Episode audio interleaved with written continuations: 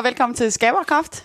Og dagens program, der skal vi kigge på uh, skaberkraft ind i uh, tilværelsen, og som hele den her programrække i anden runde egentlig har handlet om. Og i dag skal vi kigge lidt nærmere på det ind i fremtiden. Hvad kommer der til at ske? Ja. Og uh, til det har vi inviteret uh, futuristen, Ja, uh, Anne Skar. det er mig. Velkommen til. Tusind tak. Vi glæder os til at snakke med dig i det her program om, hvad skaberkraft er, hvad der kommer til at ske i fremtiden, og hvilke tendenser du ser, hvad vi ser, og hvad vi sådan, øh, kan Ja, åbne ikke noget, op jeg hellere vil snakke om indtil. med jer, end det her. Det bliver fantastisk. Så kære lytter, lyt med den næste times tid, når vi går en tur rundt i Manesien med, med skaberkraft og fremtidens tendenser, og forhåbentlig også får udfordret hinanden lidt på, hvordan det kan se ud. Så velkommen til dig, Anne Tak Skar. for det.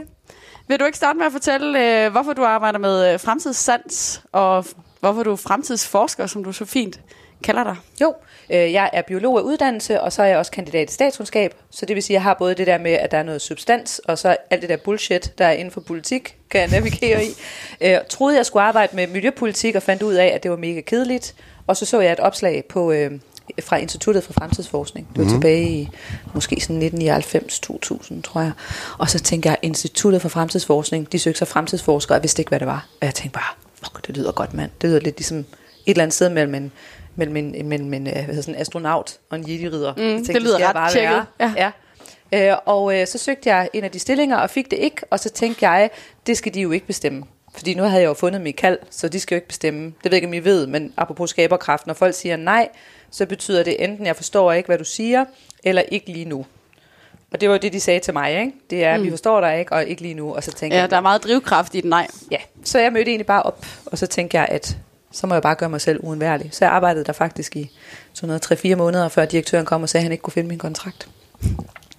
Så, og så var jeg der i tre år på Instituttet for Fremtidsforskning. Startede min egen virksomhed øh, og kører nu på øh, nummer to virksomhed. Det hedder Universal Futurist, fordi nu skal vi bare hele verden. Jeg skal jo vinde Nobels fredspris, inden jeg dør. Yes, sådan. ja. Så er ambitionerne sat Yes. for det her program, ikke? Og, og verden i den store hele. Der er masser af skaberkraft i dig, og det er jo Det er faktisk også derfor, vi har inviteret dig ind i programmet her.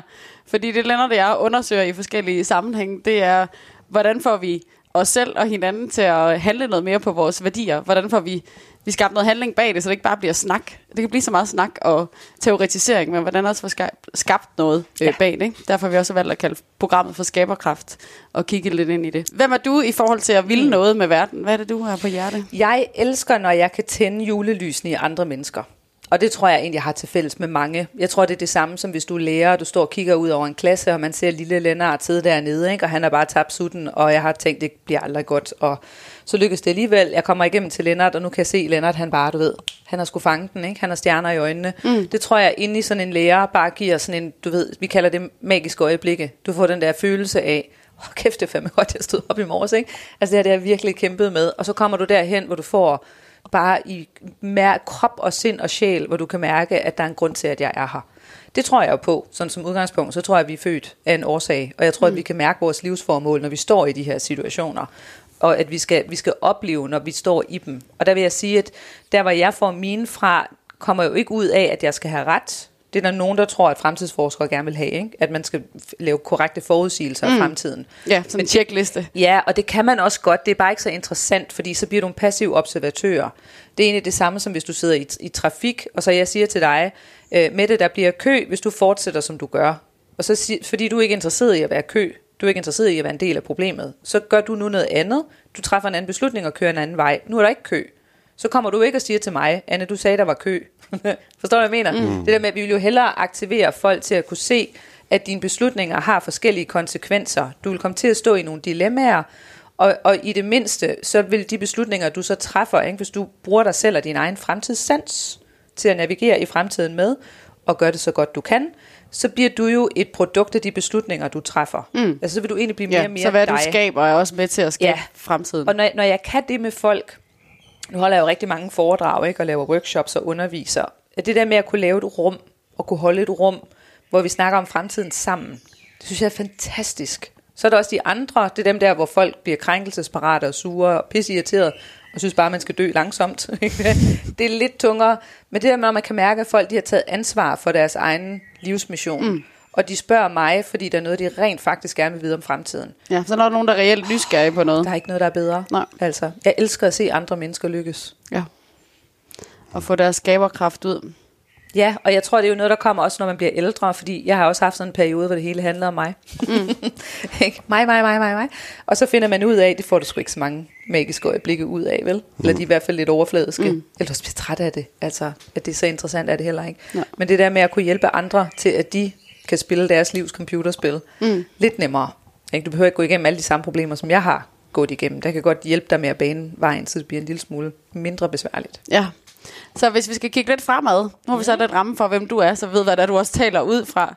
Men vi skal kigge lidt fremad på, hvad det er for nogle øh, ting, vi gerne vil skabe fremadrettet. Hvad, hvad ser du, der kommer til at ske i fremtiden? Hvad tænker du om Der har aldrig nogensinde i verdenshistorien været kortere afstand mellem visionsevne og skaberkraft. Så jeg vil jo sætte visionsevne sammen med skaberkraft. Ja, absolut. Fordi, og det jeg tænker jeg også, det ligger ja. jo sikkert implicit i også i de ting, I siger. Men visionsevne for os, det er der, hvor du kan forestille dig at. Så fremtidssans, som alle i øvrigt har, der er bare lige at sige, I er alle sammen bestået. Fremtidssans har vi alle sammen. Men fordi vi ikke bruger den, og fordi vi ikke kan man sige sådan respekterer, at fremtiden er meget større end det, vi bare kan se, mm. så, så ligger den lidt og sover. Så man skal vække sin fremtidssans. Og det gør man ved at se, mærke og tro. Så når du ser ind i fremtiden, så vil det være det, du, der er her. Ikke? Det er det, vi kan snakke om. Det er det, vi kan mm. forstå og sætte ord på. Og data, lavkagediagrammer, journalisterne kan snakke om det. Ikke? Men det er en kedelig fremtid. Det er den, der er her lige nu og her. Den fremtid, vi kan mærke, det er typisk den, vi aktiverer, når vi er turister. Mm. Og jeg vil også sige, at hvis man tænker ligesom en turist ind i fremtiden, så gør man det hele rigtigt. Ikke? Så aktiverer det der med turisten, fordi så sidder vi jo og forestiller os, at ting kunne ske. Vi snakker med hinanden, ikke? vi tror på hinandens drømme. Hvis, hvis du kommer og siger til mig, Lennart, jeg skal på ferie, så vil jeg jo ikke møde det med, ej, det synes jeg ikke, du skal. Jeg var, mm. jeg var engang på ferie, Lennart det gik godt, det gik ikke godt, det går det ikke. Så det, det vil jeg ikke anbefale. Det gør vi jo ikke, vel? Så siger vi jo sådan, om der var et eller andet her, der var skidt, men jeg elsker ferie, det er fantastisk, mm. ikke? Og, og så rykker vi jo på det. Det er der, hvor skaberkraften kommer ind. Så, så de fleste, som går i turistmode, vil jo først visualisere visionsevnen, ikke?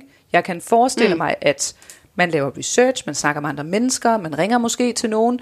Nogen synes, man skal ud i det blå, andre vil gerne ned på noget charter. Det vigtige, når man laver den der visualisering, det er, at jeg kan se mig selv i det.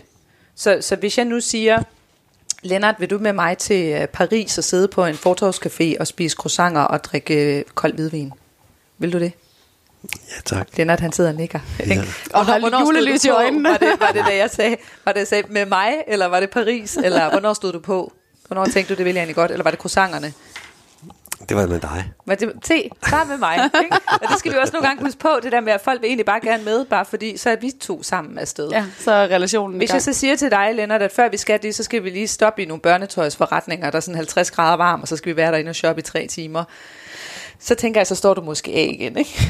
Så vil jeg gerne stå udenfor. ja, så venter jeg udenfor, ikke? Og det er det der med, at når man laver visioner på arbejdspladser, så laver man af en eller anden årsag de mest røvkedelige altså sådan uden flyvehøjde, hvor det som regel bare handler om, at du skal arbejde noget mere, og ofte få noget mindre ud af det. Mm. Ikke? Altså, og verden bliver et dårligere sted at være. Så det skulle da ikke underligt, at man ikke kan motivere en ungdomsorganisation, uh, unge, hvad hedder, generation, generation til at komme ja. ind og arbejde i sin lorteforretning, vel? Du skal arbejde ligesom dine forældre, bare længere tid, og så kan du gå på pension, når du bliver 72. Hvem fanden gider det, ikke? Så det er visionsevnen, det andet er skaberkraften, og det er, vi kommer afsted. Ja. ja. Så det synes jeg, det med, at man skal have fingeren noget mere ud, vi skal til at eksperimentere med noget mere, hvor fortiden mindede mig der Matador, altså den verden, som jeg er vokset op i. Det er sådan, hvor du fik ligesom en, en manual fra samfundet. Du ved, sådan her skal vi spille. Der er et bræt, det er vi alle sammen på. Så skal vi køre julen rundt og rundt, ikke? fordi ellers går samfundet i stå. Og hvis man spørger, hvad, hvad sker der, hvis vi stopper? Ja, det ved jeg ikke, men nu skal det også bare gå hurtigere, ikke? så vi kan komme hurtigere hjem og på pension. Øh, og så gælder Matador, handler jo om, at du skal bygge et hus på en grund, du ikke har råd til og så har du en lille plastikbil, du kan parkere foran, og når dine venner kommer på besøg, så må du bonge dem for så meget husleje, at de til sidst går konkurs. Mm. det er jo ikke noget sjovt spil at spille, vel? Og det, det der spil, det virkede en gang. Altså, det var jo en gang, hvor man kunne købe et hus, og man kunne have en bil, og du kunne have et fast arbejde, og du kunne, du ved, købe en hund, og så man gå på pension. Det kunne nogen gøre, mm. det virkede godt. Men hvis man lige pludselig føler, at nu ændrer spillets regler sig, Altså det virker lidt ligesom om, jeg kan fandme ikke komme ind på boligmarkedet. Ikke? Jeg fik gode karakterer i skolen, men jeg har alligevel ikke fået det arbejde, jeg gerne vil, eller jeg er blevet fyret fra mit job. Så bliver du skuffet. Og det er en måde at bruge din fremtidssans på. Ikke? Det er, at jeg troede, at... Mm. Ikke? Tro, mærke, se. Jeg troede, at hvis jeg gjorde det her, så vil der komme det her ud af det. Og det sker lige pludselig ikke. Og så står man sådan og tænker, jamen hvad fanden skal jeg så? Ja, så kan du faktisk lave reglerne om. Det er det, der er ret fedt. Det er, at i den her tid, vi lever i, der kan vi faktisk lave et nyt spil. Mm. Og vi kan lave et spil, hvor der ikke er nogen, der behøver at tabe, for at de andre kan vinde. Det skal man i Matador, ikke? I Matador, der er der kun en, der vinder, og alle de andre, de taber. Men så noget af faktisk... det, du egentlig ser som en af tendenserne, det er, at vi skal få fingeren mere ud og handle noget mere. Og ja, ikke og spille et tro... almindeligt spil, som vi kender ja, det. det der med at egentlig prøve at slippe, fordi hvis man igen tro mærke se, ikke? Mm. hvis jeg kan mærke, at det med, at hvis jeg nu startede en virksomhed, og så ligger det ligesom i kortene, der er meget spilmetaforik ja, her, ikke? Det, det vi ligesom med kortene, på den. at hvis jeg så skal lave en virksomhed, så skal jeg skulle komme i løvens hule, og så skal jeg bruge min skaberkraft på at sælge en masse produkter, som verden i virkeligheden ikke rigtig har brug for, sådan at jeg kan tjene en masse penge, så jeg kan vækste. Du ved, det er sådan en model at køre en virksomhed med. Det er den der løvens hule der, ikke? Men der findes jo også en kategori, der hedder zebra, synes jeg, jeg synes er meget sødt. Ikke? Så, og zebraerne, det er nogen, der, der starter en virksomhed, fordi de i bund og grund egentlig gerne vil have et godt liv. Jeg vil gerne gøre ting, hvor jeg kan gå hjem og se mine børn i øjnene. Jeg gider ikke at arbejde 8 timer om dagen. Jeg vil egentlig bare gerne kunne opretholde en, en livsstil, hvor jeg gør tingene på en god måde, og så vil jeg gerne lave nogle produkter, som gør verden til et bedre sted at være. Mm. Men så har man også brug for nogle nye forretningsmodeller. Og du har brug for at få et andet supportsystem, der ligger rundt om det. Og derfor er det faktisk meget sundere, når man tænker med sin skaberkraft, ikke? at man beslutter sig for, hvad er det for et spil, jeg vil spille. Mm. Fordi hvis jeg ved fra starten af, du ved, du har den der vision for, hvad er det for et liv, du gerne vil leve. Og hvis jeg ved fra starten af, hvis jeg går ind ad den her dør, jamen så kan jeg ikke leve det liv, jeg gerne vil. Jeg har fået rigtig mange jobs, ved sådan noget tilbud ude i øh, mediebranchen. Og jeg har altid haft det sådan, at jeg kunne mærke, altså, at, at hvis jeg gjorde det, så vil min sjæl stå af. Ja. den er sådan ja, ret tydelig. Mærke ja. ind i. Den er sådan meget tydelig med at sige, at, at hvis du tager det job, og det kan godt være, det ser pis godt ud, øh, så bliver du uden mig. Har min sjæl sagt, ikke? Mm. Og så har jeg bare tænkt, det, var, det er nok ikke godt. For jeg tror, mig, ikke? Jeg tror, at hvis jeg skal kunne bruge min skaberkraft, så skal jeg have sjælen med ind i det. Men så er jeg også nødt til at træffe nogle andre beslutninger. Ja. Og derfor er det faktisk meget bedre at se, se livet som computerspil. Og hvis der nu sidder en lytter derude, der sidder og tænker, computerspil. Jeg har spillet computer hele mit liv. Det har faktisk været lidt op ad bakke, fordi mine forældre de stod og råbte af mig hele tiden om, at nu skulle jeg også lave noget andet. Det var bare lige at sige, godt for dig. du har virkelig trænet din hjerne til at tænke på den rigtige måde. Altså du har fået dine egne psykologiske processer rigtig godt på plads, fordi når man spiller computerspil, så starter man ofte i sådan en tutorial-bane, hvor du ikke ved, hvad der foregår. Så får du lov at øve dig, du får lov til at træne, jeg døde, så kommer jeg tilbage igen. Nu spiller Matador, så er du ude. Ikke? Du kommer i fængsel, eller du, du kan gå konkurs. Det er ligesom det. Mm. eller så kan du få penge i banken. Eller du kan få penge og i banken. komme tilbage. Det er rigtig, hvor det er. og når du så er, ligesom er klar, altså du ved, jeg kan mærke, at nu bliver tutorial for nemt, jamen så stiger jeg i level. Nu har jeg ligesom løst alle de problemer, jeg skulle i sandkassen. Så kan jeg spille level 1, level 2, level 3, level 4. Så det der med at, at gå fra at få en karakter, det var også ligesom de gamle spilleregler, ikke? det der med, at der er nogen, der vurderer mig udefra og giver mig en karakter. I fremtiden, der er det dig, der er karakteren. Du udvikler din karakter, når du bruger din visionsevne mm. og din skaberkraft. Så, så det sjove er jo det her med, at altså i, min, i mit perspektiv, der er man sit eget personlige udviklingsprojekt. Altså det at skabe en virksomhed er i virkeligheden det samme, som at skabe dig selv. Det bliver to sider af samme sag. Mm, så det bliver mere koblet sammen. Det vi, det vi gjorde i øh, det første program, vi lavede her med skaberkraft, det var at kigge mere ind i, hvordan laver man skaberkraft ind i netop at lykkes med sin egen virksomhed, eller sådan få den ud som en, en øh, meget ind i arbejdslivet. Og så gik det op for os, at det er jo ikke alle, der har lyst til heller at være entreprenante, eller ja. egentlig, altså der er jo også rigtig mange, der trives rigtig godt ved at være lønmodtager. Altså, ja, så, så, så, skal skal, så, så derfor ja. tænkte vi mere skaberkraft ind i tilværelsen også. Og når ja. du lige siger de her ting, så bliver det også hurtigt ind i løvens hule og de her så forskellige ting. Så hvis vi skal til lytteren med, der også er lønmodtager for eksempel, og, og trives godt i det, men gerne vil bruge sin skaberkraft, Øh, så der findes jo det, der hedder en intraprenør. Ikke? Så der er entreprenørerne, der skal starte virksomheder udefra, så der er intraprenørerne, det er dem, der gør det samme i det job, de sidder i. Øh, og det tror jeg også, der altså bliver meget mere normalt, at du bliver bedt om simpelthen at genopfinde din karriere i det job, du allerede sidder i. Ja. Fordi tingene går så hurtigt. Og det skal man bare lære igen at se som gave. Ja. Og så sige, der kan være perioder, hvor nu har jeg lært det her, og så kører det sgu egentlig meget godt, og så har jeg gjort det i 18 måneder, og så begynder jeg at blive lidt kælig. Øhm, jeg var ude i en kommune, hvor de snakkede om, at i princippet, så skulle de måske lave det sådan, at man blev fyret hver fredag. mm. og så bliver du genansat hver mandag. Bare for at få det der tjek af, du ved, at, at der behøver ikke at være forskel på at være du ved, en lønmodtager eller privat. Mm. Altså for mig er det jo mere en indstilling til, hvordan møder jeg op, når jeg går på arbejde. Øh, og så synes jeg også, at der er utrolig mange mennesker, som jo er super kreative, når de så er i deres privatliv. Så laver de frivilligt arbejde, Øh, så sidder de og laver smykker. Jeg har lige snakket med en, der har startet en æbleplantage. Altså det er jo som om, at folk har skaberkraften i sig, men hvis ikke jeg kan få et outlet til det på den arbejdsplads, jeg sidder på, så løber bæret bare over i noget andet. ja. Ja.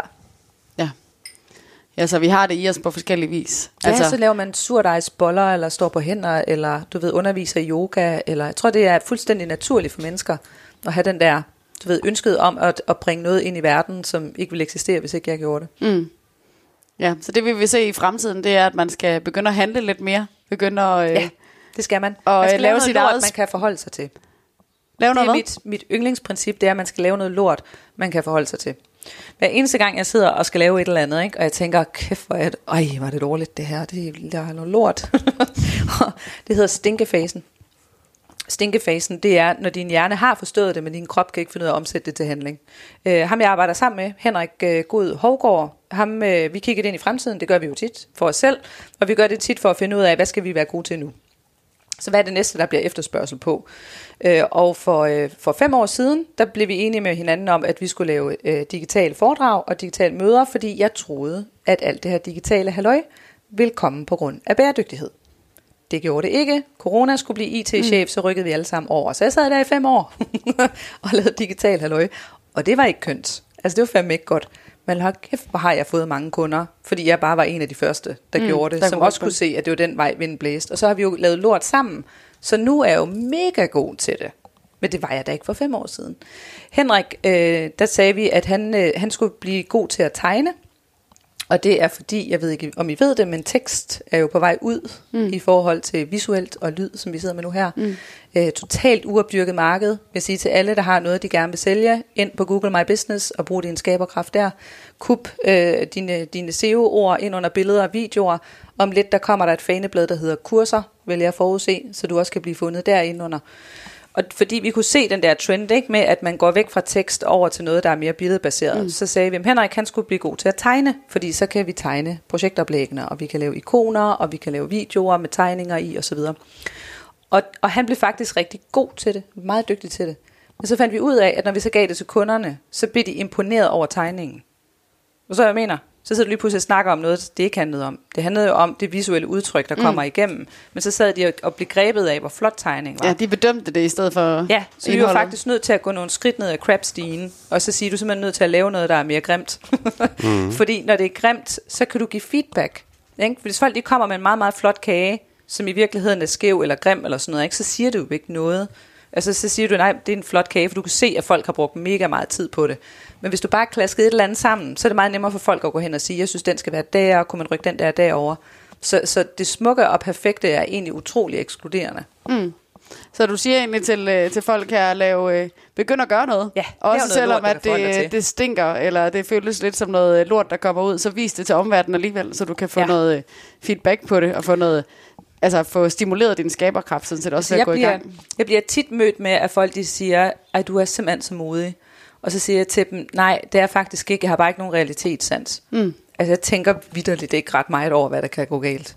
Altså, mange gange, ikke, hvis jeg skal foran et kamera eller op og snakke for 2.000 mennesker, så går det tit op, aner ikke, hvad jeg skal sige. Jeg tænker, det finder jeg ud af, når jeg står deroppe. Mm. Fordi hvad er det værste, der kan ske? Det er bare, at man er lidt pinlig. Ikke? Så får vi en god historie at fortælle om på plejehjemmet. Så, så og der, der tror jeg bare, der er mange, der, der overtænker. Mm. Du ved, de laver sådan en hel masse scenarier, hvor ting kan gå galt. Og hvor jeg også siger til dem, det kan du faktisk ikke være bekendt. Det er nemlig, det virker rigtig godt på gode mennesker, der giver dem dårlig samvittighed. Så du kan faktisk ikke være bekendt og sidde og tiltro, at andre mennesker vil grine af dig, eller latterliggøre dig, eller være ondskabsfulde, når du gør noget. Hvad siger det egentlig lige om dig? Er det det, du tror, hvis du bruger din skaberkraft til noget? Er det det, de vil møde dig med? Det vil du faktisk ikke være bekendt.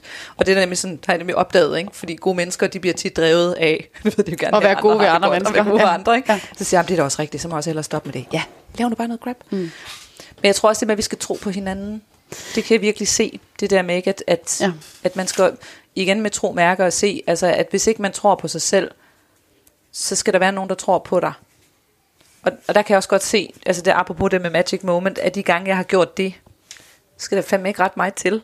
Altså det er overraskende lidt jo, det der med at tage nogens arbejde og give dem noget feedback på det. Og så husk at sige det, ikke? det der med, at jeg synes, det er mega fedt, og jeg tror simpelthen så meget på, at hvis du gør det der, og jeg tror på dig, og kæft, du er jo guld, og det er jo fantastisk, og, og, og, og så kan jeg bare se, at de vokser. Det er jo ligesom at hælde vand på en tør plante, ikke? At de bliver helt... Uh, og jeg sidder bare og tænker, jeg har ikke gjort en skid andet, Nej. bare give dig nogle ord med. Men jeg tror, vi skal tro på hinanden, indtil vi er klar til at tro på os selv. Ja, så hvis vi lige skal, vi vil egentlig gerne stimulere lytterne til også at udfordre sig selv lidt ind i det her. Ikke? Så den første udfordring, det er egentlig se og tro og øh, mærke som en del af det, de, de Ja. skal gå i gang med. Ikke? Og så prøve at handle på det, finde ud Ja, af, hvordan det skal det se for ud. andre.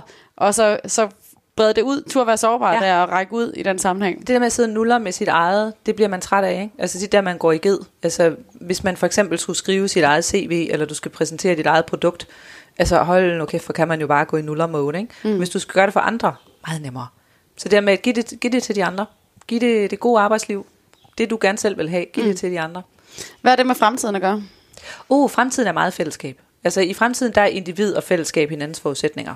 Nu har vi haft en periode, hvor det har været rigtig meget mig, mig, mig. Se mig, se hvad jeg kan. Øh, det har også været narcissisternes tid og egoisternes tid. Øh, og det ved I sikkert mere om end mig, men jeg har i hvert fald læst sådan en del psykologiprofessorer, der siger, at når, der, når vi har sådan nogle opbrudstid, som det sidste 10 år har været i meget voldsom grad, så sker der ofte det, at når ligesom spillets regler ændrer sig, og vi får, altså hvad vi ikke har haft, ikke? vi har haft Donald Trump som præsident, England har meldt sig ud af det europæiske samarbejde, altså katastroferne har stået i kø, MeToo er væltet rundt, ikke? altså vi har også opbrud i landbrug i forhold til, skal vi spise dyr i fremtiden, og skal vi spise planter, mm. det hele er bare eksploderet. Ja, der er et Så- bevidsthedsskifte. Ja, så er der et bevidsthedsskifte, men igen, alle dem, som sådan er gode og rare, betragter ofte sig selv som sådan lidt over middel, ikke? Altså, jeg synes ikke, jeg har noget særligt talent. Hvem er jeg i den her verden til at have en stemme? Der kommer nok nogen. Altså, man sidder sådan og tænker, Bruce Willis kommer sgu nok og redder os, ikke? Der kommer nok en eller anden, du ved, fantastisk person, der lige kan tage over her, og så følger vi bare efter, og det gør der bare ikke. Der kommer det ene asshole efter det andet. Og det får de ligesom lov til, fordi at folk sidder sådan lidt, du ved, og, og, og læner, uh, nej, vi skal das, og nu skal vi da heller ikke ødelægge den gode stemning.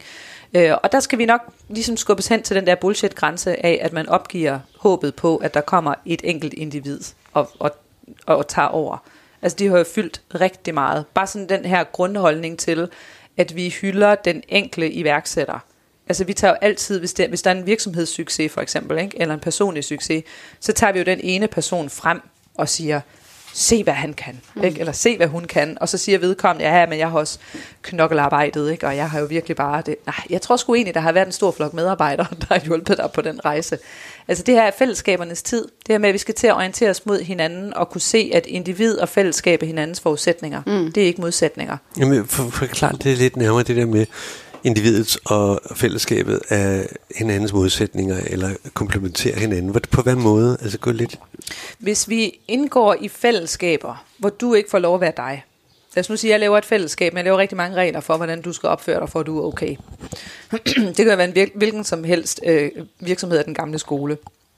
Hvis man for eksempel var i AP Møller i gamle dage, ikke? Jamen, så skulle du komme med skjorte på, og du ved, du må ikke have skæg, og du tager trapperen, du tager ikke elevatoren. Det vil sige, du bruger faktisk utrolig mange, meget energi på at opdrage folk til at være konforme ud fra en fællesskabsetikette, som jeg synes er den rigtige at være på. Mm. Og det kan være rigtig fint ud fra nogle ting. Det er ikke fordi, der er noget egentlig galt i det, men hvis du skal opgive hele dig selv og din identitet, når du begynder at mærke for eksempel, at det skulle egentlig lidt underligt, ikke? hvorfor gør vi det sådan her, og der ikke er plads til det, så bliver det sekterisk. På den anden side, ikke? hvis vi har kun individ, og alle er deres egen lykkes med, så bliver det også træls. Ikke? Så bliver vi sådan en flok egoister, der trumler hen over hinanden. De fleste mennesker vil jo trives utrolig godt i at være i et fællesskab, hvor vi sætter pris på hinanden. Så jeg kan kigge på Mette, og så kan jeg sige, at jeg har faktisk en oprigtig interesse i, at Mette blomstrer som det menneske, hun er. At du får lov til at udfolde dig, og at jeg møder dig med det, som du har brug for. Og du gør det samme for mig. Fordi så har vi det fællesskab, hvor vi, hvor vi laver tryghed mm. sammen. Og det tror jeg langt hen ad vejen, at vi har glemt. Jeg tror faktisk i dag, at folk meget ensomme og alene. Apropos også med tro, ikke? fordi det her handler også om at have tillid. Det her med, at, at jeg tør læne mig ind i et fællesskab, og at jeg egentlig uden at være bevidst om det, bare regner med, at der kommer nogen, hvis mm. jeg har et problem. Og det tror jeg faktisk, der er mange, der ikke gør. Mm. Jeg tror, der er rigtig mange mennesker, som ikke har den der oplevelse længere af, at vi er et fællesskab. Det tror jeg, vi skal til at skabe selv og give til hinanden. Men jeg synes, der er en vigtig pointe i det der, som netop er, at vi, vi bliver nødt til at være individer ind i fællesskabet. Ja. Altså, så hvor vi i 70'erne var bare fællesskab ud over det hele, ikke? Og kollektivistisk, og det blev sådan næsten, at individet blev udslettet, ikke? Så så vi den der Ja. modpol, som meget blev Præcis, super godt set. Ja. Altså, og nu er vi faktisk mere sådan i en integrativ tid, hvor vi formår at se, at det er faktisk paradoxalt, ja. at vi både skal kunne være fælles og alene eller Ja. individer samtidig med. Ikke? Og det er den integration, vi er mere... Og så ser jeg meget, at vi er i integrationernes tid mm. nu, ikke? Jo. Hvor, det, hvor det bliver muligt både at være en del af et fællesskab, men også at være individet, der tager initiativ til det, men også trækker sig fra det, så ikke man bliver opslugt af det, som flere af os måske har haft en oplevelse af under corona. Altså Ja. skal vi snakke fællesskab omkring alt? Altså, må jeg ikke gøre noget selv? Ja, præcis. Giv mig min øh, frihed og selvstændighed igen. Ja. Ja. Så det, det er jeg bare enig med dig i, at der er sådan en, der er noget med at få øh, integrationerne til at ske. Ja, og man kan jo se, hvor meget vi også bøvler med det, ikke? Altså også det med, at de problemer, vi har, har vi jo ofte af en årsag. Og hvis, jeg synes også, at meget ville være vundet, hvis vi kunne se alle de der ting og problemer, vi har, som døre, vi kan gå igennem. Og når vi så går igennem de døre, så transformerer det os, ikke? Ligesom med computerspillet. Fordi vi har sådan en tilbøjelighed til at sige, at problemer, det er forhindringer, der forhindrer os i at leve det liv, som vi gerne vil. Men altså, det gode liv er jo ikke det nemme liv. Det gode liv er ikke det ubøvlede liv, vel? Det gode liv, det er jo det, der er fyldt med forhindringer og problemstillinger, som du netop skal tage fat i og løse, fordi så bliver du et større menneske. Ja. Igen, ligesom at tage på ferie. Fem er der ikke nogen, der gider se billeder af sådan en eller anden charterferie, hvor det eneste problem, der var, der var, at der ikke var nok pandekager i buffeten. Mm. Altså, man gider jo helst at høre om, om, om de der ferier, hvor ting er gået galt. Fordi, hvad skete der så? Ja. Ikke? Hvordan kom vi igennem det med det? Og kan du ja. Huske det? Og så bliver vi pisse sure på hinanden. Ikke? Og så skete der det, og så skete der det. Og nu er vores venskab jo faktisk blevet bedre, fordi den her problemstilling, den transformerede os. Men det er stadigvæk noget om, hvordan vi agerer. Jeg tænker sådan på, at, altså mere det, der hedder, hvad giver mening? Altså, og hvordan lever man et meningsfyldt liv? Og hvilke muligheder har man i det? Fordi øh, spørgsmålet er, om de forudsætninger, som der er i dag, frigør nogle muligheder i forhold til, hvad det har gjort tidligere.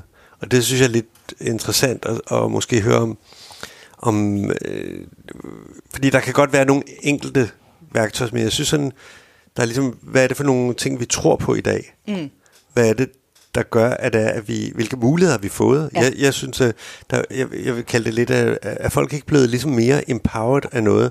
Jeg har lige besøgt Æbeltoft øh, øh, Maltfabrikken, hvor det var, at befolkningen på 7.000 mennesker har købt den her fabrik for 21 millioner og fået den op at køre.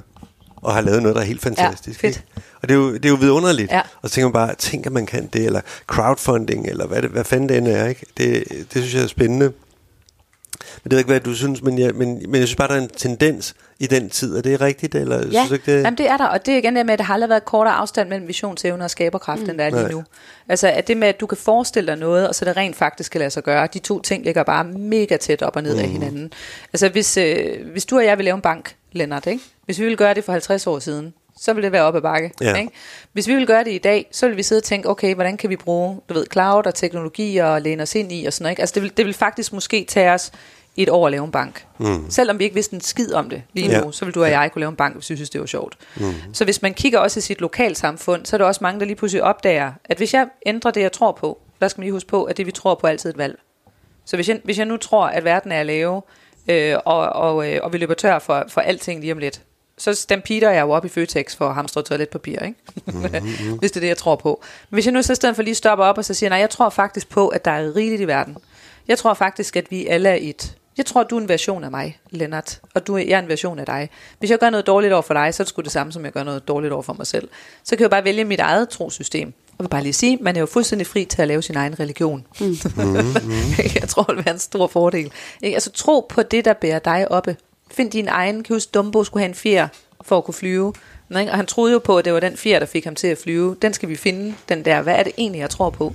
Fordi at det er, vi er i sådan et ret farligt tidspunkt i menneskets udviklingshistorie. Altså hvor vi jo rent faktisk har teknologi, der kan smadre det hele. Mm. Og hvor jeg vil sige, jeg tror, at worst case scenariet af dem alle, det er, at vi smadrer kloden, og så banker vi os selv tilbage til lige før renaissancen. Jeg tror, vi kører ikke tilbage til stenalderen. Jeg tror, vi ryger tilbage til lige før renaissancen. Fordi vi vil jo stadigvæk vide, at der var noget, der hed ligestilling og p-piller og biblioteker osv. Og, så videre, ikke? og så vil vi forhåbentlig lære noget af det, og så vil vi starte forfra på spilpladen. Mm. Og så vil vi tage det her spring ind i det planetære. Ikke? Det Ja. her med, at nu er vi her faktisk ikke, fordi vi skal vinde Matador og, og bygge et, et hus på Vimmelskaftet, og så bo der, indtil vi skal på pension. Vi Så det er her, worst case i det er tilfælde af worst, væk Det er sgu da worst case. Ikke? Mm. Altså, jeg vil virkelig sige, at worst case er jo, at, at man er 18 år gammel og drømmer om at bo i et, i et IKEA-katalog. Altså, at når vi sælger den drøm til unge mennesker med, at livet skal være sikkert og komfortabelt, og der må endelig ikke ske noget, ikke? og alt skal forsikres og fast arbejde, jamen, det, er jo, det er jo forfærdeligt. Altså, det er jo ikke meningen, at man som et ungt menneske skal vide, hvad der kommer til at ske i dit liv. Det er jo ikke meningen. Det er jo meningen, du skal stå og sige, uh, noget nyt. kan jeg vide, hvad jeg gør nu? Altså, ud at rejse, ud at opleve, ud at prøve, ud at eksperimentere. De mest spændende mennesker, jeg kender, er jo så nogen, der har, der har fucket ting op i deres liv. Altså, som har mistet alt, eller som har lavet en kæmpe brøler, og så fortæller de om, hvad skete der så, og hvordan er jeg kommet ud af det. Og langt hen ad vejen har de jo så skabt en mening. Mm. Så jeg tror ikke, at... Så at herudfra, så begynder der også at være nogle af, noget af dit værdisæt, øh, Anne, der kommer frem, ikke? Altså, at det, det er også, hvad du tror på Ja. ind i det her. Ja. At de, de unge mennesker, nu er der lige en hel masse, der har kørt rundt med studenterhatte på, Ja. ikke? Der vil din opfordring til dem være, gå ud og lave, lave Ja. noget lort, prøv jer selv af øh, Ja. på den måde, Men for ellers så ender vi med worst case, altså det, det du så siger, ender ikke? vi med worst case. Ja, ja. Så, så lad os uh, kigge ind i best der er jo case ikke også. nogen Men hvor- voksne hvorfor- mennesker, hvor- der tror på, 9 til, altså på et 9-4 job mandag til fredag længere. Det er jo ikke nogen, der tror på. Det tror jeg, der vil være, men nu vi er måske ret mange, der ikke gør. Ja. så, Men hvorfor skal man lave noget lort? Kan man ikke bare lave det gode? Oh, man må også gerne lave det gode. Det må man gerne. Men Jamen, jeg hvor- tror bare, at, Hvorfor skal det være... Hvorfor skal det indeholde også... At det kan godt være, at det ofte sker, og det er en virkelighed. Men jeg synes bare, som idé, så må det da være bedre, hvis det var, at man bare laver det gode. Jeg synes, at, at for mig, der er smadre, ødelægge og destruktion lige så berigende og lige så værdifuldt mm. som at skabe og gøre godt og gøre pænt. Jeg er helt uenig med dig. Men det er også, fordi jeg har fire drenge. Jeg har tre drenge og en pige. men, men hvorfor, jamen, jeg forstår ikke, Men hvor, Lennart, her der tror jeg, vi er inde på den igen, vi har været før, at det her med, du siger tit, at man skal fejle sig fremad, ikke? Og, og lave korrektioner, og der, der har du ikke selv, når vi så snakker om, hvilke fejl har du lavet, så kan du ikke huske dem, fordi de, de hænger ikke hos dig. Og der har også været nogle øh, personlighedstyper, som, hvor de siger, af for pokker, det gjorde så ondt, jeg aldrig nogensinde vil gøre det her igen, ikke? Og det er ikke sådan, du har det, men derfor, det der med at tænke i, så dem, der er meget perfektionistiske, de vil aldrig komme i gang, så derfor, i hvert fald, mm. hører jeg, det er dem, du også taler til, ikke? Lav noget lort, tillad dig at gøre Ja. noget, så du kommer i gang. Så det vil ikke nødvendigvis være en type som dig, at Anne, hun taler til lige nu. Diplomaten. Ja, ja, ja men jeg synes, det er, altså, det er jo også en vigtig pointe. Jeg tror også bare, at vi skal øve os i det der med at sige godt for dig. Du ved, godt for dig, du har fundet noget, der virkede for dig. Det kan jeg lade mig inspirere af. Men bare fordi, at jeg gør det, du gør, er det ikke det samme som, at det virker for mig. Nej. Øhm, hvis man tager sådan noget som øh, spiritualitet, som faktisk også er en meget stor del af fremtiden, som folk elsker at snakke om, vil jeg bare lige sige. Altså de mest hardcore IBM-direktører i USA. Hvis jeg sidder og snakker i telefon med sådan en her for nylig, og jeg sagde til ham, du ved godt, at efter den, øh, den fjerde industrielle revolution, som man jo sådan snakker meget om i erhvervslivet, der kommer ikke nummer fem. Der kommer den spirituelle. Og så kigger han på mig, og så siger han, ja, det ved jeg godt. ja. så, og, der, og der kan jeg bare mærke, at spiritualitet er sådan blevet kuppet af noget, der er meget harmonisk og fuld af kærlighed. Jeg synes, man, hvis man googler spirituality og går ind under billeder, så er det alt sammen jo sådan noget, du ved, med sterinlys, drømmefanger og folk, der står med sådan V-shaped arm formation Mm, i op tøj. solnedgang i hvidt tøj, eller fem sten øh, oven på hinanden. Og som så vil sige, at du ved, alt er kærlighed. Alt, all is love. Du skal bare tro på det, ikke? så bliver alting godt. For nogen ja. Men, men den anden del af det her, det er jo også, at det her liv, vi har her, er hårdt og svært, fuld af sorg og angst og død og ødelæggelse. Og nogle af de mennesker, jeg snakker med, apropos det med, hvad man tror på, de tror jo ikke på, at alt er kærlighed. De tror på, at verden er et rigtig hårdt sted, og hvis du graver længe nok i mig, så er der ikke noget. Jeg er ligesom et løg. Ved, jeg skralder lag af mig, skralder lag af mig. Inde i mig, der er der tomt, der er der ingenting. Der er der ikke noget som helst. Og det synes jeg faktisk er en pissefed fundament at sætte af på i forhold til skaberkraft. Men det er en anden formel. Og det er egentlig bare det med at sige, at man skal jo bare finde den, der passer, der passer godt til en. Mm. Øhm, og jeg ved godt, det lyder super corny, når jeg siger det her, men man skal, man skal fare vild for at finde sig selv. Så hvis jeg krøller til i skoene, så er det jo okay. men, men fordi vi er jo ofte, bliver vi fanget ind i at blive produkter af vores egne beslutninger. Så når jeg træffer en beslutning, er det så egentlig mig, der har truffet den beslutning, eller er det nogle andre, der har truffet den her beslutning for mig? Gør jeg de her ting, fordi at jeg har nogle forventninger til mig, fra mine forældre, fra omverdenen, til at sådan her gøre et øh, rigtigt menneske, øh, kan jeg så overhovedet mærke mig selv? Mm. Og på et eller andet tidspunkt, så finder man jo ud af, at jeg har gjort alle de her ting, fordi der var nogle forventninger til mig, men jeg kan sgu ikke rigtig, sgu egentlig rigtig lige mærke den. Så laver vi ofte radikale forandringer. Det kan være sådan noget med, at man dropper ud af et studie, ikke? eller at man flytter et andet sted hen, men det behøver man egentlig ikke. Altså det er faktisk bedre lige at blive mm. i den der, det der lidt uforløste, hvor du kan begynde at mærke dig selv, og så tænke, at nu er jeg faktisk klar til at gå min egen vej. Så nu laver jeg en lille sidevej herudfra. Men så får du sådan en følelse af, nu er jeg helt lost. Så nu ved jeg ikke engang, hvad skal jeg? Jeg kender ikke engang mig selv. Så kan man godt begynde at skille ud på andre. Man kan råbe af sine forældre. Du forstår mig ikke, mor. Altså plejer jeg altid at sige, forstår du dig selv? Altså, mm. skulle der en ganske særlig form for ondskab og give andre skylden for, at du ikke forstår mig, hvis ikke du selv har lavet det arbejde. Så det der med at være lidt ude af skide, altså det med at fare vild i skoven, det, det skal man, for ellers kan du ikke finde dig selv. Det er der, hvor uh, Jan Henrik siger, at jeg er faret vild, men jeg skider med god fart. Ja. Lidt, uh, lidt i den sammenhæng. Det er godt. Så du siger, ud, ja. ud i skoven. Ud og, og fare vild. Altså med at have den der følelse af at være lost. Altså at stå på en isflage, hvor du føler, at det smelter under fødderne på dig. Måske er det også derfor, at der er så mange, der har angst. Altså der har tanker, der har, du ved, som ikke kan finde sig et ståsted. Så at sige, nej, men det er jo virkeligheden det, der er det spændende. Det er, at herude kan du begynde at mærke dig selv. Og når du så er derude, så vil du også finde de der lyspunkter, hvor du lige pludselig sidder og tænker, det er faktisk en dejlig solnedgang, det her.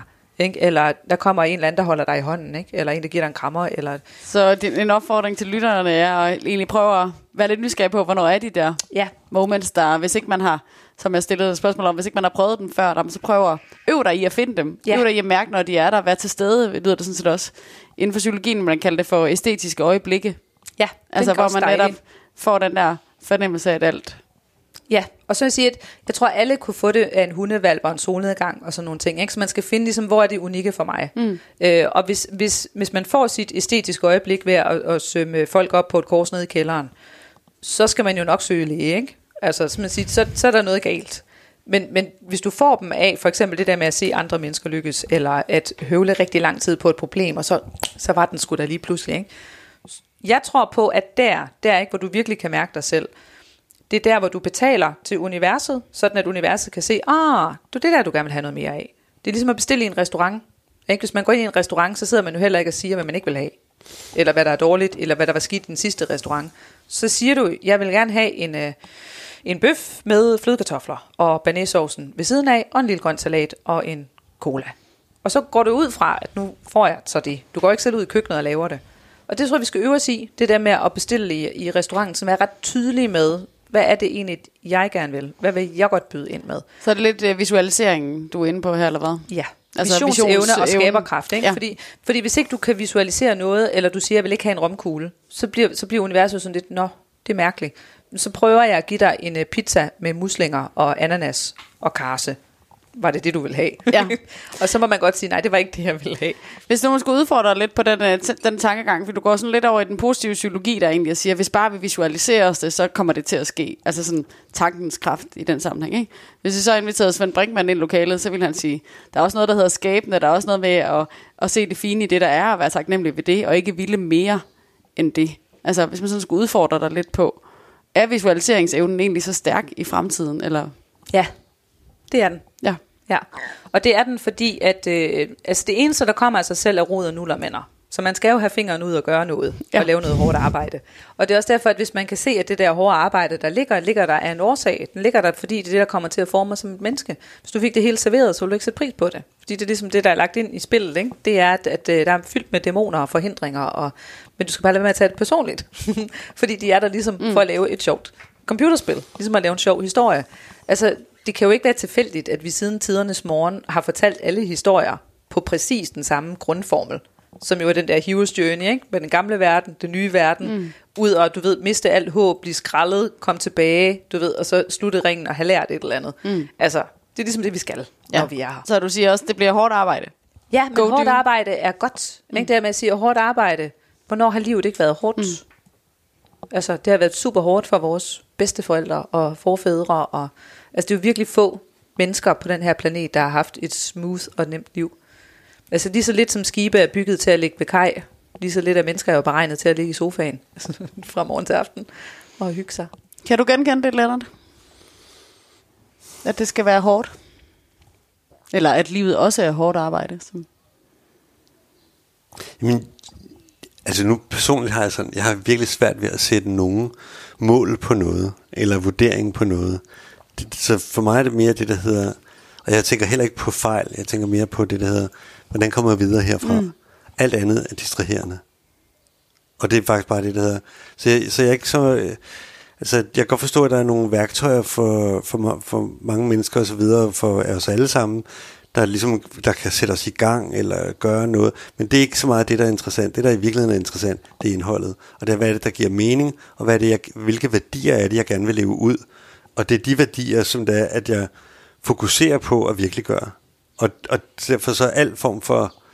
Altså, jeg, jeg, jeg kan godt forstå det her, du nævner med, at det at være øh, usikker, at det er jo i virkeligheden et, et, det første skridt i at udvikle. Fordi alt andet er jo bare en afrapportering. Når vi har møder, hvor der er en agenda, så ved vi, at der ikke sker noget overhovedet andet end en afrapportering. Men hvis der ikke er nogen agenda, så må vi finde ud af, hvad det er, vi gør. Når vi sidder og snakker nu her, så er det også det at finde ud af, hvad er det, vi, vi skal gøre. Mm. Øh, gå på opdagelse. Gå på opdagelse, ja. og måske ender vi et sted, hvor vi ikke vidste. Ja. Så er der en dør, der åbner sig, som vi ikke vidste fandtes, ja. eller sådan noget, ikke? Så, øh, Jamen, det synes jeg er så fint, fordi jeg tror også, at folk virkelig, og du sagde du også før, sagde du det der med, at du, har, at du har ikke nogen interesse i at dømme, eller mm. blive bedømt, eller bedømme andre. Det synes Nej. jeg simpelthen er så dejligt. og som jeg også sagde til dig, før vi gik i gang her, ikke, at jeg lever jo et liv, hvor folk bedømmer mig hele tiden, mm. og konstant, mm. og skriver mm. til mig.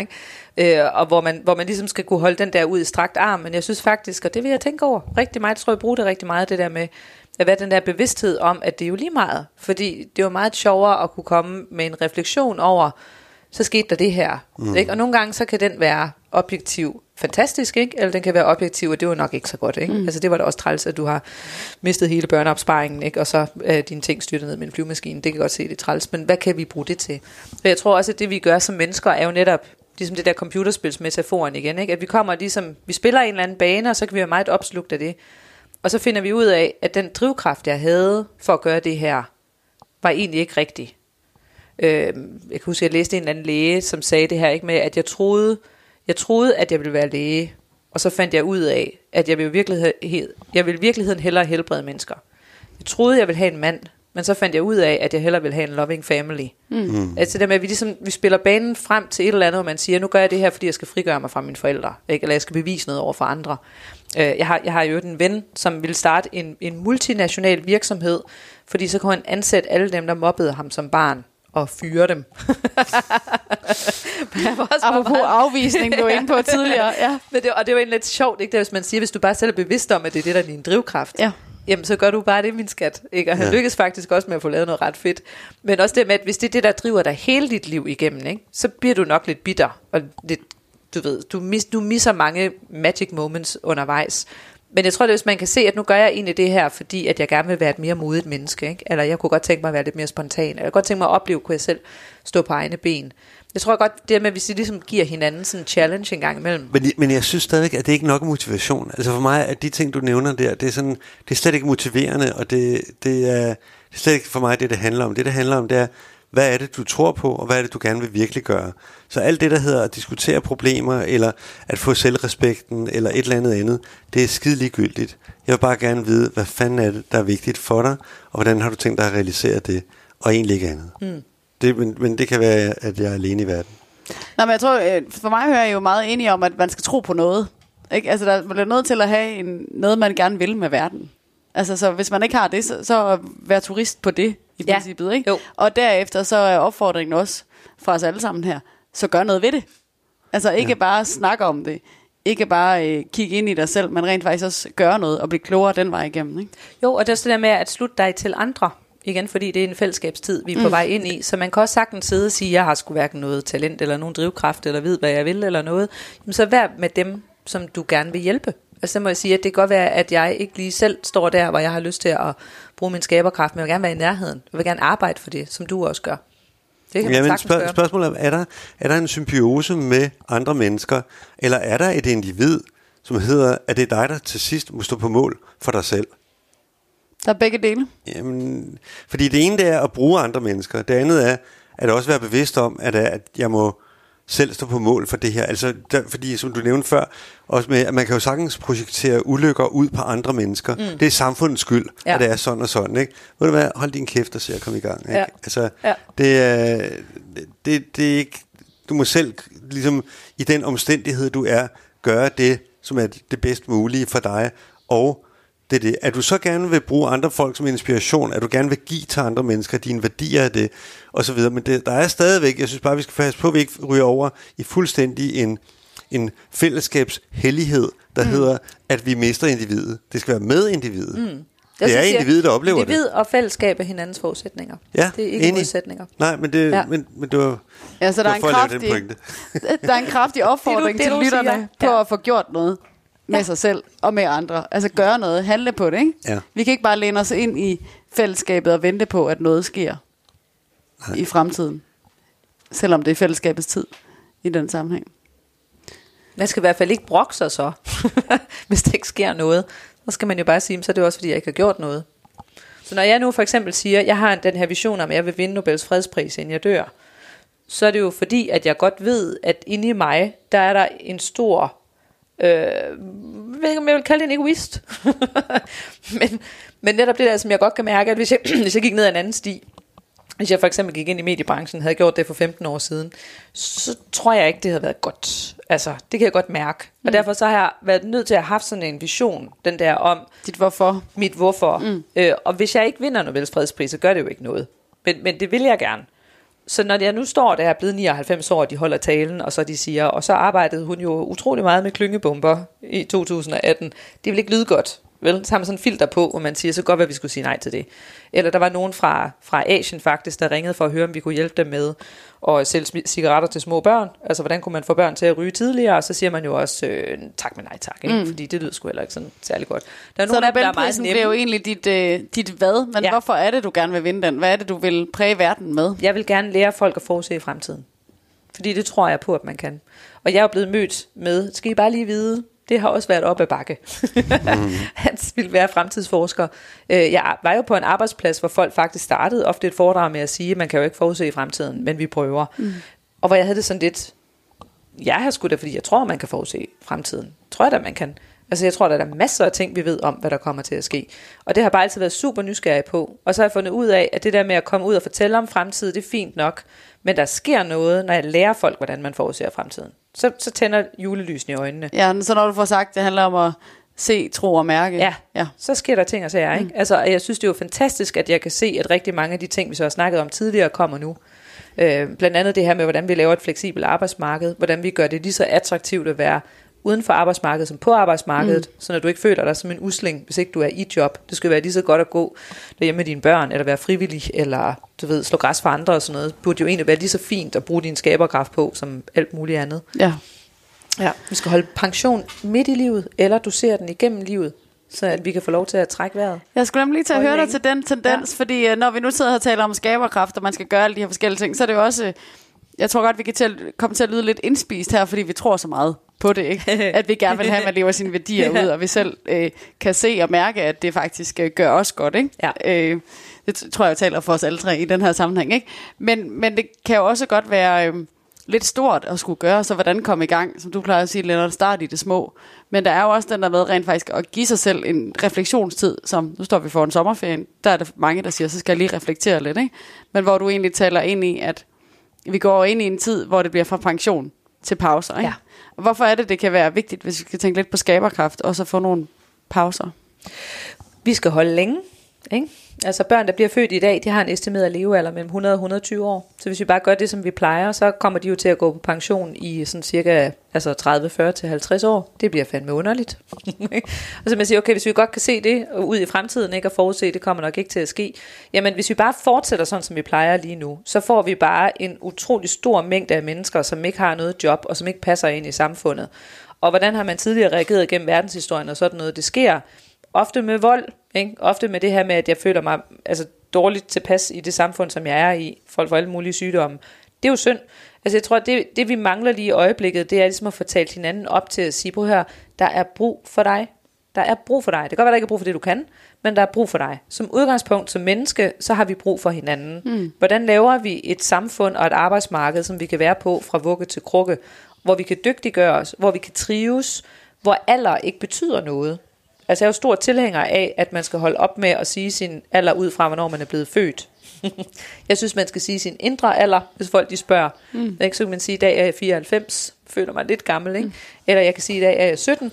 Øh, man kan også sige sin alder ud fra, hvornår man regner med at dø, hvis man har lyst til det. Altså det med, hvorfor skal det definere dig ud fra, hvornår du er blevet født? Så skal mm. du til at holde op med. Du behøver ikke at spørge om folks alder, eller deres køn, eller deres nationalitet, eller deres religion, hvis ikke det er relevant. Fordi Nej. det er ikke sådan, vi er. Så vi skal begynde at tænke anderledes omkring tid og, og alder. Ja, også det med, at du kan genopfinde dig selv. Altså, at, at nu har du det her job, og du har den her karriere, du laver de her ting. I den fase af dit liv. Og så kan du genopfinde dig selv, og så kan du lave noget andet. Mm. Men derfor tror jeg, at vi skal have de der pauser gennem tilværelsen. Fordi ellers så bliver det også lidt ligesom sådan en... Øh, er sådan lidt ligesom at have sådan et, øh, gå rundt med sådan en lotto i, i lommen, ikke? Mm. Som du så har, der er en udløbsdato på, og så fik jeg sgu ikke den pension alligevel. Fik jeg ikke ja, indløst. Ikke alligevel. Jeg synes, jeg, så må man godt få lov til at tage den tidligere i sit liv, så du kan gå på pension, når du er små børn. Du kan gå på pension, hvis du er blevet sur, eller hvis du er blevet arbejdsløs, eller du ved sådan, man egentlig møder hinanden i, nu er det sket for mig, hvor er det fedt. Ja. Ikke? Altså jeg synes jo også det der med, at hvis folk er blevet fyret på arbejde, så burde man egentlig bare møde dem med sådan et, fedt, tillykke. Mm. Ikke? Altså du er faktisk røget for alle de andre. Ja. Mm. du fik en lov til at få en pause. Ja. Det er faktisk, jeg har fuldt nogle stykker, der aktivt har valgt. Der er forskel på, om man bliver fyret og sådan passivt får den pause, ja. eller man aktivt vælger det. Ikke? Jeg har fuldt flere, der aktivt har valgt det. Og det jeg kan se, der egentlig kommer ud af det, det er, at deres skaberkraft bliver typisk meget aktiveret. Ja. Fordi de får noget tid til at bundfælde, eller hvad man skal kalde det. Ikke? Jo. Og så er der noget værdisæt, der står står mere ting, frem. Der bobler dernede, ikke? Jo, som, de kan mærke, som der endelig kan mærkes det. i ja. den sammenhæng. Ja. Ser du også det, at der er noget skaberkraft, ja, der har brug vildt. for noget Helt vildt. Altså, jeg har hørt den her tidsalder omtalt som The Great Resignation, så jeg faktisk synes, er et ret fedt begreb. Altså resignation, ikke? det er jo både det der med at orker bare ikke mere, og så er det også at blive fyret, eller selv at gå. Det der med, at man trækker sig for noget. At folk på en eller anden måde ligesom når sådan en grænse for, at det her gider jeg sgu egentlig ikke rigtig mere. Og så kan det både være fordi, at det, har, det var fint. Altså, og jeg synes også det med, at vi behøver ikke altid at lave reaktion som en modreaktion. Altså vi behøver ikke sidde og sige, nu skal vi gøre det her, fordi det andet var lort. Mm. Vi kan bare sige, det var fint. Altså jeg har haft det her job, jeg har lavet de her ting, men nu skal jeg noget andet.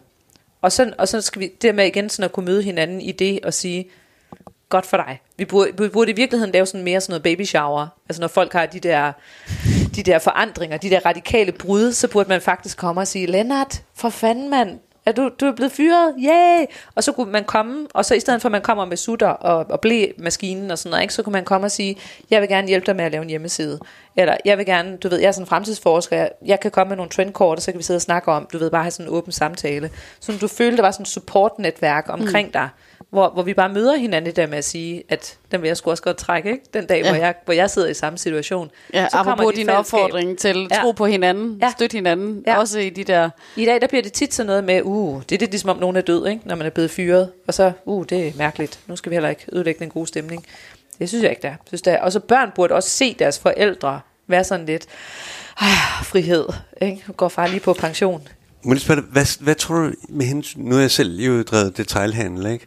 Og da det var, jeg startede med det, efter at have været krammer, så det var i 80'erne. Og der var det sådan, at øh, det var vigtigt at sælge billigt. Altså tilbud var, prisen var, den er vigtig i dag, men den var endnu vigtigere i 80'erne. Og folk tænkte meget sådan på at kunne købe noget. Der var en sult efter at købe noget. Og, og man kan også sige, at, at dem, der køber mest, det er faktisk ikke dem, der har mange penge det er dem, der ikke har så mange penge, ja. men som pludselig får det. Ja. Så det, de store markeder i dag, det må være Indien og Kina, øh, fordi der er mange nyrige, hvor uh, her er niveauet bare steget. Ja. Og, og det har forandret sig noget. Men jeg tænker sådan på, hvordan, hvordan tror du forbruget kommer til at være? Hvad bliver ligesom fortsættelsen herfra, rent forbrugsmæssigt? Øh, kommer der til stadigvæk at være en... Jeg, jeg kan se mine børn, som øh, ikke mangler noget, men, men som ligesom stadigvæk gerne vil købe noget brugt tøj, eller øh, gå på, selv når vi er i, langt væk i lande, hvor der ikke er så meget, så er det stadigvæk sjovere at gå på et marked med brugte ting, end ja. det er at gå i butikker. Det kan godt være, at de, jeg tror ikke, de er så specielle, men altså, der, der er nogle tendenser i hvert fald. Jeg er bare nysgerrig på, hvordan, hvordan tror du, forbruget kommer til at ændre sig? Bæredygtigt. Bæredygtigt? Ja, vil sige sådan en nøgleord i det. Og det er jo, det er jo fuldstændig rigtigt, hvad du siger. Ikke? Altså jeg kan da huske, dengang jeg var lille, der var øh, Fætter BR-kataloget, der var der sådan en konkurrence, hvor man kunne skrive ind, og så kunne man vinde og få lov til at plyndre Fætter BR. havde sådan 10 minutter, ikke? hvor man mm. så kunne rende rundt og plyndre Fætter BR. Hvis mine børn de vandt det, det vil sige dem nuller en skid. Mm. Altså det er slet ikke attraktivt, det der med at rende rundt og hive ned fra hylderne. Fordi de bare har noget af det der brækpunkt på. Hvor mange ting man egentlig har brug for. Øh, hvis vi bare lige tager, tager den hurtige, den hurtige indflyvning, ikke, så var forbrug et negativt ord op til 1960'erne. Før 1960'erne, der var en forbruger, eller det at forbruge, det var negativt. Mm. Øh, hvis du brugte flere penge, end du havde, det var jo noget skørlevnet. Altså kommer vi længere tid tilbage, så kunne du faktisk blive anholdt på gaden for at gå og flashe et silketørklæde, som du åbenbart ikke havde råd til. mm-hmm. Fordi så var du bare et dårligt menneske. Tuberkulose på engelsk hedder consumption, altså forbrug, fordi det var en sygdom, du blev forbrugt af. Så det var utrolig negativt. Mm. Det er først op i 1960'erne og 70'erne, at forbrug blev noget positivt, fordi at der signalerede man, hvis man kom ind på en arbejdsplads, og du havde med et jakkesæt på, som du ikke havde råd til, så fortalte du til mig som din arbejdsgiver, at du er villig til at pansætte en del af din økonomi ud i fremtiden, fordi du tror på, at vi skal være her sammen, og vi skal øge produktiviteten. Så du havde jo hele den der tro på, at ved at vi får brugt og skabte mm. Og, og konsumeret, så kunne vi sætte i gang i nogle positive spiraler, som jo så gjorde, at vi ikke ville bekrige hinanden. Det var sådan meget, meget, det var det, der var drivkraften. Ikke? Det var, at, at vi troede på, at hvis vi har det her samhandel, så får vi ikke 3. verdenskrig. Mm. Hvilket jo var ret reelt. Det sjove er, at nu er vi jo ikke, altså Brexit har jo med England har meldt sig ud af det der, vi er jo ikke gået i krig med hinanden. Mm. så det er åbenbart noget andet. Ikke? Det er jo de her fælles historier, vi har, som er mere interessante, hvorfor det er, vi gør, hvad vi gør. Øh, og så tror jeg også det der med, at forbruget, det er jo ligesom, ligesom at, at status i det har været oppe i elite. Hvis vi kigger i 80'erne, da vi kommer herop, øh, der var der nogle serier i fjernsynet, som jeg sad og så, Dollars og Dallas, med Alexis og Blake Carrington. Mm. Øh, og hvor luksus, det var jo det der, der var fuldstændig uopnåeligt for andre mennesker. Ikke? Store huse og oliekilder og heste og diamantringer. Og det vi havde råd til, det bling, var de brede bling. skuldre og det høje pandehår, som jo så kom ind. 80'erne, 90'erne, så blev det folkeligt. Så havde alle lige pludselig ret til det fede samtalekøkken. Og der, hvor man kan sige, sådan eliten i samfundet flytter hen, det er jo netop, jamen det er sgu ikke ligesom det samme længere at gå op og ned og strøget med Gucci-plastikposerne. Mm. Og så kan det være, at du siger, at dem der, der ikke har så mange penge, de har nu ramt den her. Men det sjove, det er, at dem, der sådan er virkelig, virkelig rige, luksus for dem er jo blevet, øh, du ved, bo i en træhytte ude i baghaven og dyrke yoga og spise grøntsager. Mm. Altså det er bare blevet super demokratisk og, og mm. tilgængeligt, hvad rigdom det er. Mm. Øh, så jeg tror, at vi stadigvæk kører rigtig meget i den der forbrugsmølle. Den er svær at stoppe, den her maskine, ikke? fordi vi har fedtet os selv ind i den. Men fremtidens forretningsmodel er bæredygtighed. Altså bæredygtighed er ikke et klistermærke eller en strategi. Det er en forretningsmodel.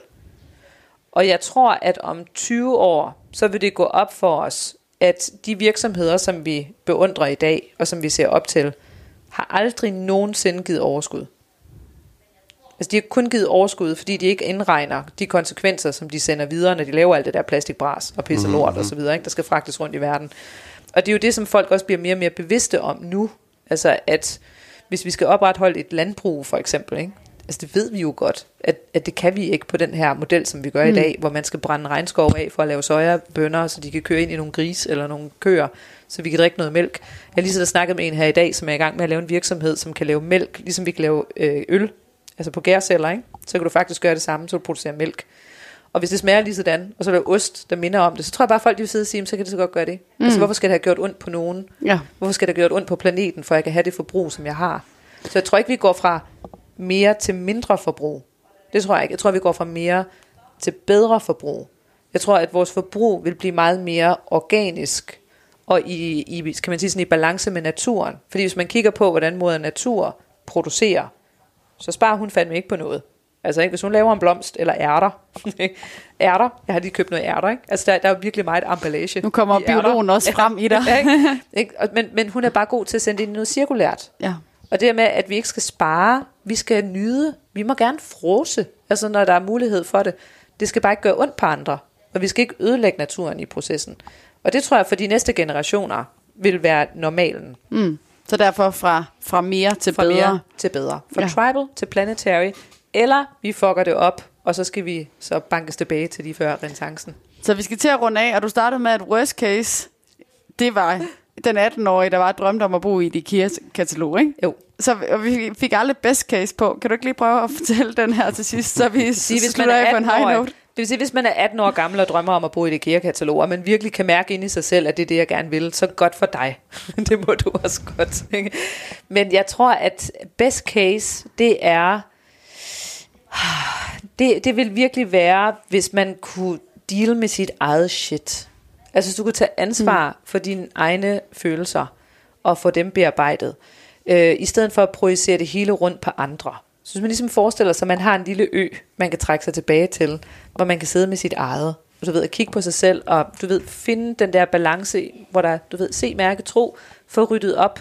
Der sker noget i den her tid, som også er, at der er utrolig mange traumer fra fortiden, der bøvser op nedefra. Altså sådan noget MeToo og racisme og vold i, i ægteskaber og altså alle de der ting, der har været i familiemønstre. Der mm. har det jo tidligere været sådan, at det snakker vi ikke om. Ikke? Det er ligesom lå på, og så nu skal vi ellers snakke om nogle ting, der er lidt hyggelige. Men der sker bare noget i den her tid, som er, at du kan ikke holde det nede mere. Og jeg Nej. tror også, at det har rigtig meget at gøre med, at folk går og kigger, du ved, kigger så meget på, hvem er jeg? Altså, hvorfor gør jeg det her, jeg gør? Og lige pludselig står du og råber dine børn, og så kan du høre, okay, det her, det har jeg arvet et eller andet sted fra. Altså det her, det er jo blevet reproduceret. Mm. Mm. Så du er meget sådan inde i det systemteoretiske faktisk. At man der skal gå ind og tage vare på sit eget shit, for at systemet også ændrer sig. Ja. I det store hele, ja. i det planetære. Altså jeg tror, der er rigtig en stor opgave lige nu i det der med, du ved, på nu bare lige at hive det hjem, og så mød hinanden med empati, sådan at jeg kan sige, jeg kunne sige til dig, Lennart, det her med, ved du hvad, du sagde noget til mig, og jeg har bare været pisse sur over det i tre uger. Gider du mødes, så vi lige kan snakke om det? Fordi jeg ved godt, det er, det er et eller andet inde i mig, hvor du siger noget, der trigger mig gider du, gider du snakke noget mere med mig? Du er min nye bedste ven. Ikke? Så mm. at du hjælper mig med at hive den ting ud, og så kan vi ligesom få den forløst og sætte en blå ballon i. Og så er vi blevet bedre venner for det. Fordi den gamle model, det er sådan lidt mere det der med, at ah, det er også de andre, du er så svag. Og, du ved, det med, hvis man lige kunne deal med sit eget shit. Jeg er egentlig tur at være personlig, hører jeg også, du, du efterspørger ja. lidt. Ja. Altså faktisk at både Ja. sige, hvad man er optaget af, men også at sige, hvad man har brug for. Ja, altså den der, jeg tror, jeg tror meget på, at uh, empaterne er den næste, det næste evolutionære skridt i menneskets udviklingshistorie. Jeg tror, at øh, vi skal holde op med at kalde hinanden for sensitive, og så i stedet for at kalde det for sansestærk. Altså det der med, at der er nogle mennesker, der ligesom kan sanse, mærke ting, mærke andre menneskers følelser, og så bærer man jo rundt på andre menneskers lort, ikke? Altså jeg kender folk, der går til psykolog, jeg vil sige, samstemmende til alle dem, jeg kender, der går til psykolog. De går til psykolog, fordi de har levet sammen med nogen, der ikke vil gå til psykolog. Altså de skal fikse andre menneskers problemer, fordi de ikke vil, ikke? Og Ja. så har de arvet det. Og det der med at se, hvor meget det fylder for mennesker, ikke? At, jeg, at, at, at jeg ikke bare skal dele med mine egne problemer, jeg skal også dele med de andres problemer. Mm. Og, og så, gør det, så betyder det jo også det med, at det er, nu, siger, nu sætter jeg lige godseøjne omkring det, ikke? men det der med, at det ofte bliver de forkerte mennesker, der får den store succes. Fordi at, at der er andre, der bare har så optaget af, du ved, hold kæft, hvor det ikke også bare går, skal supportere dig, så du kan rende rundt og lave alle de der ting. Jeg tror det er med, hvis man bare lige tager sit eget, og så siger, ved du hvad, you do you, du laver dig, du laver dig, og så kan vi sidde på vores øer, og de mærker efter for os selv, og så bruge skaberkraften derfra. Mm. Så Du, du taler får sådan set ind i dualiteten her også, ikke? Du taler ind i, at du skal tage vare på dit eget shit, og du skal også være der for andre. Mm. Ikke? Du laver dualiteten ja. der, ikke? hvis vi lige skal koble den tilbage til noget, du sagde tidligere. Ja. Så der er jo dobbelt, dobbeltheden i den, i det. Ja. fremadrettet. Fordi lad os nu sige, at jeg sagde det der til Lennart, og han så, nu kan jeg godt bruge dig som case, Lennart, for det tror jeg ikke, du vil gøre. Men hvis du nu så afbrød mig, og så du begyndt at snakke om, ja, jeg kan også godt mærke på dig, at du blev lidt knotten der, ikke? Altså det synes jeg faktisk også, du ved, øh, og blive lidt stram. Eller også, at du siger, øh, du sagde sådan noget med, jamen det, det kan vi godt, for jeg kender det godt fra mig selv. Du ved, så begynder man at snakke om sig selv. Mm. Det her med at sige, jeg holder rummet for dig. Så bøvs du nu bare op. ikke? Få det nu ud af dig selv. Og så kan vi grave i det, og så kan vi finde ud af, at det, det, ja, det kommer jo tilbage til dengang, du tabte perlepladen. Altså, da du var fire skare. Det er jo det. Og så Jeg tror kan at du skal være psykolog, Anne det er faktisk det. Er faktisk det. Nå, helt ærligt, jeg kan jo se det så tydeligt hele tiden, når jeg står og kommer ind med en fremtid. Så kan jeg jo se, at der er nogen, der sidder og tænker, uh, den er fantastisk, ikke? Og så kan jeg se, at der er nogen, der bliver ramt af den. Og jeg kan se, at det, de bliver ramt af, det er ikke indholdet. Det, de bliver ramt af, det er, at det her har jeg prøvet før, ikke? eller det her, det minder om noget, eller det her, det kan jeg heller ikke finde ud af. Og så går de helt i clinch, og så bliver de sure, indebrændte og bitre. Sådan, poh, slip den nu bare.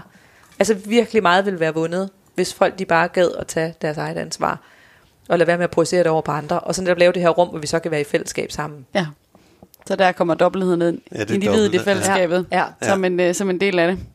Vi skal til at runde af, selvom vi kunne blive ved med at tale i, Ja, i meget timevis uh, her. Anne, vi plejer altid at lige at give nogle opfordringer til vores lytter. Du har også kommet med et par stykker undervejs, men, uh, men hvis du skal sådan kultivere noget mere skaberkraft her, så er der noget med uh, deal med dit eget shit. Ja. Ja. Gør noget ved det. Uh, handel på noget af det, der du finder værdifuldt. Tro Ja. på dine uh, medmennesker. Hvad Altså har du ansvar, mere? ansvar er dejligt, dejligt. dejligt ord, ikke? Ansvar. Det hedder endnu bedre på engelsk, ikke? Hvor det er responsibility. Mm. Altså, og jeg vil også ja. sige, at gennemgående for alle de gange, hvor jeg har fucket et eller andet op, eller hvor jeg har siddet i sådan, jeg plejer at kalde den kåleormen. Altså, kender jeg kåleormen, ved godt, den er fra Tivoli, hvor ja, ja, der bare kører ja. rundt og rundt, og de gange, man har kørt i den, så sidder man bare og tænker, hvorfor? hvorfor gør du det imod dig selv, ja. ikke? Og så kan man jo også komme til at køre i andres kåleorm, hvor de kommer og siger, du ved, kom, du skal lige køre i kåleorm med mig, og så sidder man der, og så kaster man op på hinanden. Øh, og, og de gange, hvor jeg har gjort det der i mit liv, hvor jeg bare tænker, nu sidder jeg fandme igen i den der kåleorm, altså, og det er så opslidende. Det er stoppet hver gang, når jeg har sagt til mig selv, okay, hvad er mit, hvad, hvad er mit ansvar? Så har det aldrig været særlig rart at finde ud af, hvad mit ansvar var. Man tænker, okay, der var du nok heller ikke. Det med, at du skal ligesom stå og kigge på dig selv, og så sige, okay, sådan er du også, mm. åbenbart. Ikke? Du har ikke lyst til at være sådan der, men sådan er du også. Øh, et eksempel på det, det er, øh, jeg møder en del mænd, som, som, som kører de der kålorme, og så kan jeg se, at det har noget at gøre med det her med deres, deres måde at være far på, eller deres måde at være mand på. Og så, når jeg så får drukket glas rødvin med dem, og så de siger, så siger de, jamen jeg føler bare, at jeg er en dårlig far. Og det er bare sådan lidt, altså, det kan vi andre altså godt se, at du føler, ikke? Og så plejer jeg at sige til dem, så plejer jeg bare at give folk ret, så siger jeg, det er du også. Altså i stedet for at tale ud af det, siger jeg, det er du i hvert fald ikke. Fordi hvis du vidt føler indvendigt, at du føler, at du er en dårlig far, så er det meget bedre at møde folk og så sige, det er du også så. Mm. Så hvorfor er du en dårlig far? Jamen det er fordi, jeg er ikke nok sammen med mine børn, og arbejder hele tiden. Okay, hvor kommer det fra? Jamen det kommer nok fra min egen far, fordi han arbejdede også hele tiden. Ikke? Så siger jeg, er det egentlig ikke vidunderligt, at du er så stort et menneske, at du kan tage ansvar for, at du selv føler, at du er en dårlig far. Og at du nu faktisk kan se på det, og se, at det kommer et andet sted fra, som du ikke er interesseret i at reproducere. Og du har nu faktisk den mulighed, hvor du kan gå igen væk fra den der slagende vej med alle beslutninger, der er taget for dig. Nu kan du gå ud og fare vild som far og finde ud af, at du ved faktisk ikke, hvordan det er at være far. Men er det ikke fedt, at du kan bruge din skaberkraft på det nu, og stille dig selv det spørgsmål, og snakke med alle mulige andre mænd om, hvad er egentlig en god far? Mm. Altså, hvordan, hvordan skal jeg være en god far? Ja, du har også været nysgerrig på det, frem ja, ja. for at bare... Du er bedre far, bare at det, bare det der med at se i øjnene, at jeg kører i en kålorm for helvede, ved at tage mit eget ansvar. Ja, så det første skridt til at tage ansvar kan også være at opdage, at man kører i kålormen. Ja. I den sammenhæng. Ja. ja. Og det vil sige, hvis ens liv føles som et teaterstykke, du ved, der med, at man egentlig lidt laver det samme, og det er som om, man har en rolle, og når man møder andre, så det er det som om, der er en forventning til, hvad jeg skal sige og gøre. så, kører man i kolor. Ja. så hermed, kære lytter, hvis, øh, hvis du føler, at dit uh, liv er som et teaterstykke, eller en film, eller hvad man har, flipperbold, eller sådan noget, ja. der bruger som udtryk, så, er der, så kan det være et udtryk for, en, for at du skal sætte gang i dit, ja. din skaberkraft og dit, uh, dit ansvar. Tak fordi du ville komme, Anne Skar. Det var en Stor fornøjelse. Fantastisk. Vi håber, vi har stimuleret lidt øh, refleksion omkring skaberkraft. Op, altså. Og forhåbentlig også noget provokation, ja, så, øh, så der er noget at tale øh, videre om her. thank you